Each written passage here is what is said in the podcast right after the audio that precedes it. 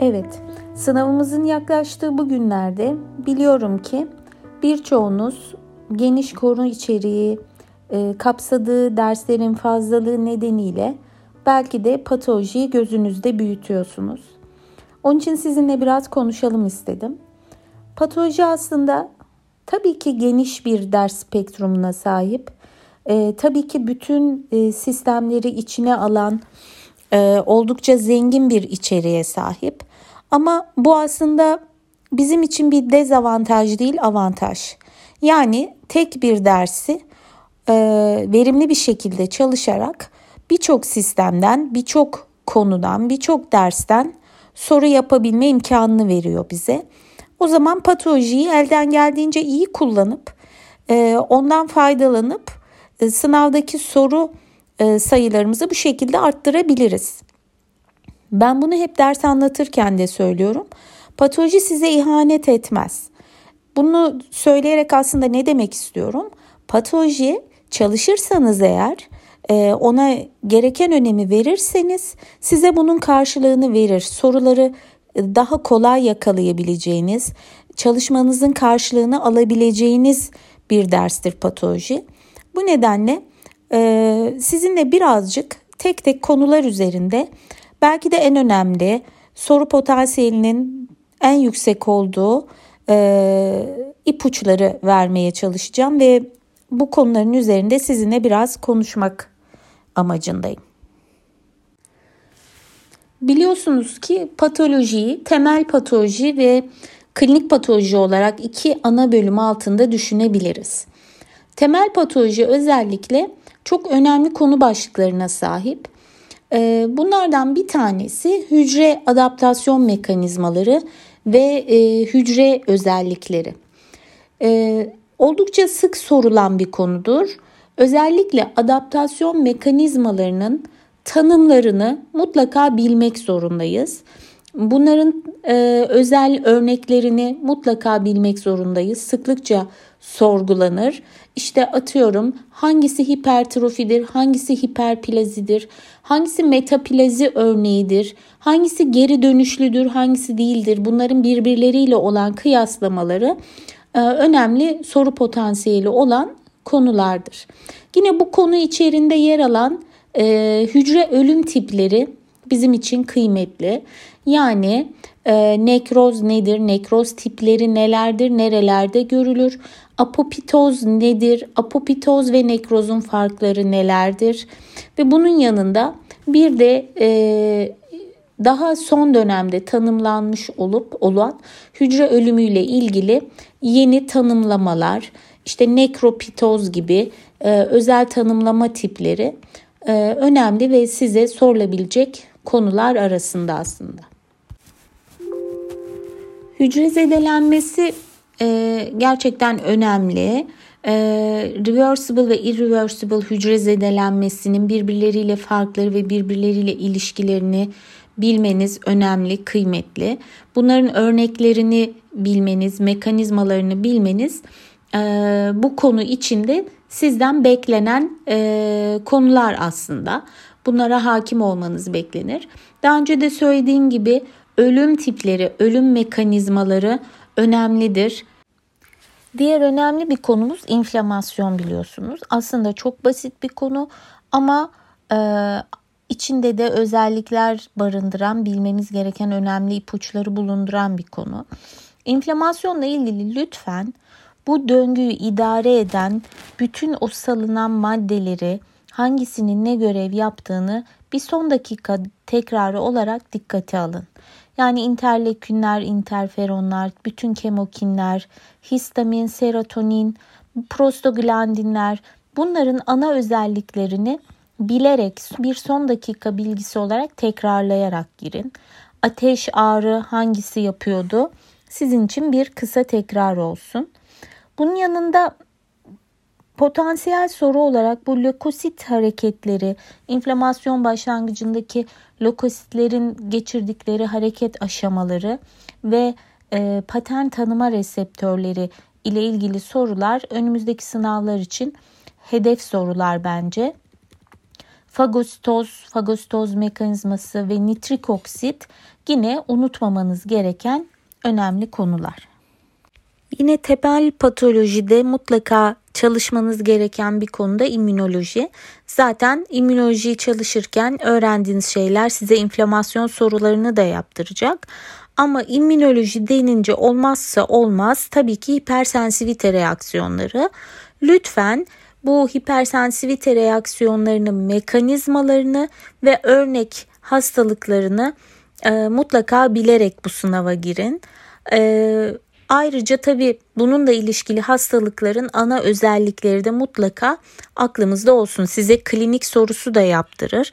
Neler bunlar? İşte romatoid artrit, sistemik skleroz, e, Sjögren sendromu gibi önemli otoimmün hastalıkları ve bunların majör özelliklerini mutlaka bilmemiz gerekiyor.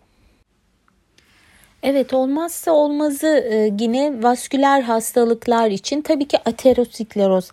Aterosklerozun oluşum mekanizması her hekimin bilmesi gereken ve dolayısıyla sınavda sorgulanma potansiyeli yüksek bir konu. Ayrıca vasküler hastalıklarda bunu anlatırken de sıkça konuşmuştuk. Vaskülitler bizim vazgeçilmez konumuz. Bir vasküliti e, çalışırken ve değerlendirirken mutlaka bilmemiz gereken şeyler e, bu vaskülit hangi damarı tutuyor, hangi tip bir da, damarda tutulum yapıyor, hangi organları etkiliyor ve bunun klinik sonuçları neler? Mikroskopik olarak tutulum paterni nasıl? Yani e, atlayıcı mı e, yoksa segmental mi, transmural mi vesaire gibi e, spesifik tanısal bir antikoru var mı? Ve önemli bir ipucu da her zaman verilir vaka sorularında hangi yaşta daha sık görülüyor. Vaskülit örneklerini, vaskülit örnek hastalıklarını bileceğiz, mekanizmalarını ve semptomlarını bileceğiz ve bunların mikroskopik tutulum paternleri bizim için her zaman sorulabilecek şeyler. Neoplezi son yılların e, en önemli hastalık spektrumu olduğu için dolayısıyla sınavlarda çok sorgulanan bir konu. Bunu patolojide soracak, bütün klinik bilimler, cerrahi ve dahili bilimler de soracak ve diğer temel bilimler de soracak. Onun için neoplazi konusuna iyi hakim olmamız lazım. Temelinden başlayacağız. En temel neoplastik kavramları bileceğiz. Diferansiyasyon nedir? Derece nedir? Ee, bunların anaplazi nedir? Tanımlarına bir kere hakim olacağız. Sonra karsinogenez mekanizmasını e, çözmüş olarak bu sınava girmemiz lazım. Yani ne oluyor da e, tümörler meydana geliyor. Dolayısıyla ne gelecek aklımıza? e, tümörlerin kalıtsal e, kanserlerin sebepleri neler? İşte otozomal dominant geçenler, familyaller, resesif kanserler. Bunların tiplerini bileceğiz. Kalıtımsal kanser sendromlarını bir kere bir son gün tekrarı olarak aklımızda bulunduralım. E, edinsel neoplastik bozuklukları yine bilelim. İşte radyasyona bağlı, radyasyon ilişkili, ultraviyole ilişkili tümörleri, kimyasal karsinogenizi, mikrobiyal karsinogenizi bulalım. Bilelim. Yani bir human papilloma virüs, Epstein-Barr virüsü, hepatit B, herpes virüsü bunların e, tümörler ile ilişkileri potansiyel sorgulanabilecek sorular bizler için. Dediğim gibi kanser çağın hastalığı e, dolayısıyla bir hekim olarak karsinogeneze hepimiz hakim olmak zorundayız. E, buna hakim olabilmek için de hücre siklusundaki, hücre döngüsündeki bu e, sentez, mitoz fazlarını, buraları yöneten e, önemli anahtar noktaları, işte P16, siklin dependent kinazları, yani olayın temelini, hücre siklusunu bir tekrar ederek bu işe başlarsak, bu tekrardan sonra neoplezi konusunu çok daha rahat anlayabileceğimizi göreceğiz. Karsinogenezde biliyorsunuz önemli yolaklar var. Ee, onkogenezde rol alan rasyola, BCRABL yolağı, VNT sinyal iletim yolu. Bu üç yolağı lütfen sınava yakın dönemde tekrar etmeyi unutmayın. Bu yolaklarda yer alan önemli e, genlerimiz var biliyorsun. Biliyorsunuz BRAF geni gibi, IGFR geni gibi bu genlerin tümörler ile ilişkilerini mutlaka bilerek e, sınava girmemiz lazım. Hücre siklus regülatörlerini mutlaka bilerek sınava girmemiz lazım. Bu kısım biraz ezber bir konu kabul ediyorum ama sınav öncesi yakın dönemde bir tekrar yaparsanız size e, bu konu çok fazla soru yaptıracaktır. Biraz klinik patoloji üzerinde konuşacak olursak bununla ilgili size verebileceğim ipucu e, hastalıkları klinik patolojiyi çalışırken non-neoplastik ve neoplastik hastalıklar olarak ayırabiliriz. Çok kısa süreniz kaldığını düşünüyorsanız öncelikle neoplastik hastalıkların patolojisine bakmak belki size e, biraz daha e, kolaylık sağlayabilir.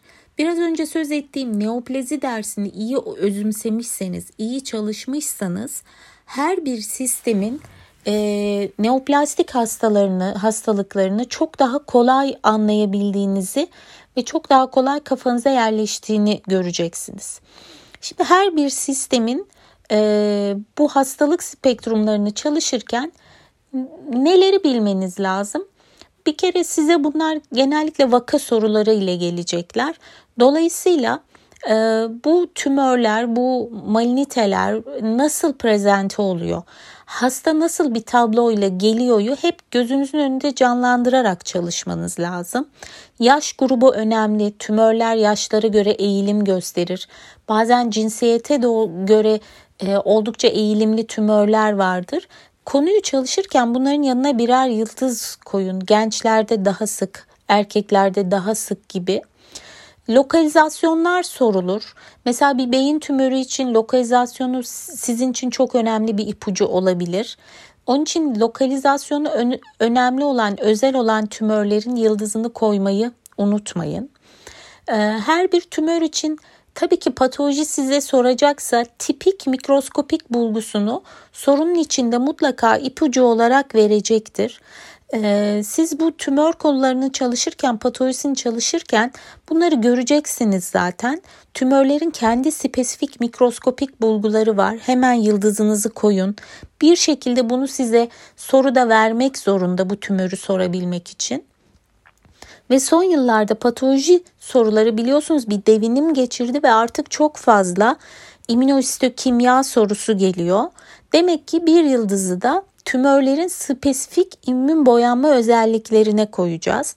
Bunları size verdiği anda hemen gözünüzün önünde e, o tümör canlanacak. Spesifik immün boyanmasını tümörlerin e, mutlaka bilmeye çalışın, ezberlemeye çalışın.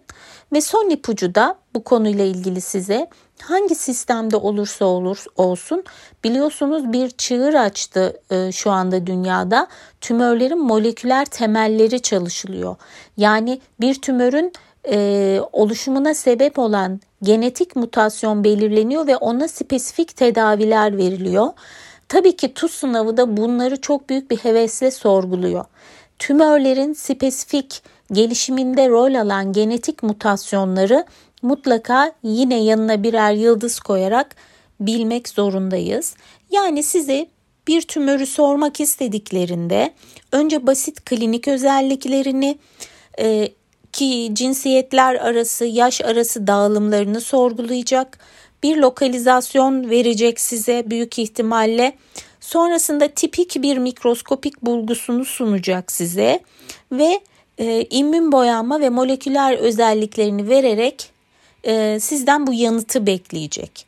Bazen de tümörü verip aşağıda bu özellikleri bilip bilmediğinizi sorgulayacak. Sonuçta bu 5-6 ana özelliğini her bir sisteme ait tümörde e, kendiniz işaretlerseniz, kendiniz e, küçük notlar ile e, belirlerseniz sistemsel tümörlerle ilgileri ilgili soruları yapmamanız için hiçbir sebep yok. E, TUS sınavı sonrası yakın dönem tekrarda e, yapmanız için size verebileceğim öneriler bunlar. E, umarım hepiniz çok e, rahat, çok keyifli bir sınav geçirirsiniz ve gönlünüzce güzel puanlar alırsınız. Görüşmek üzere sevgiler.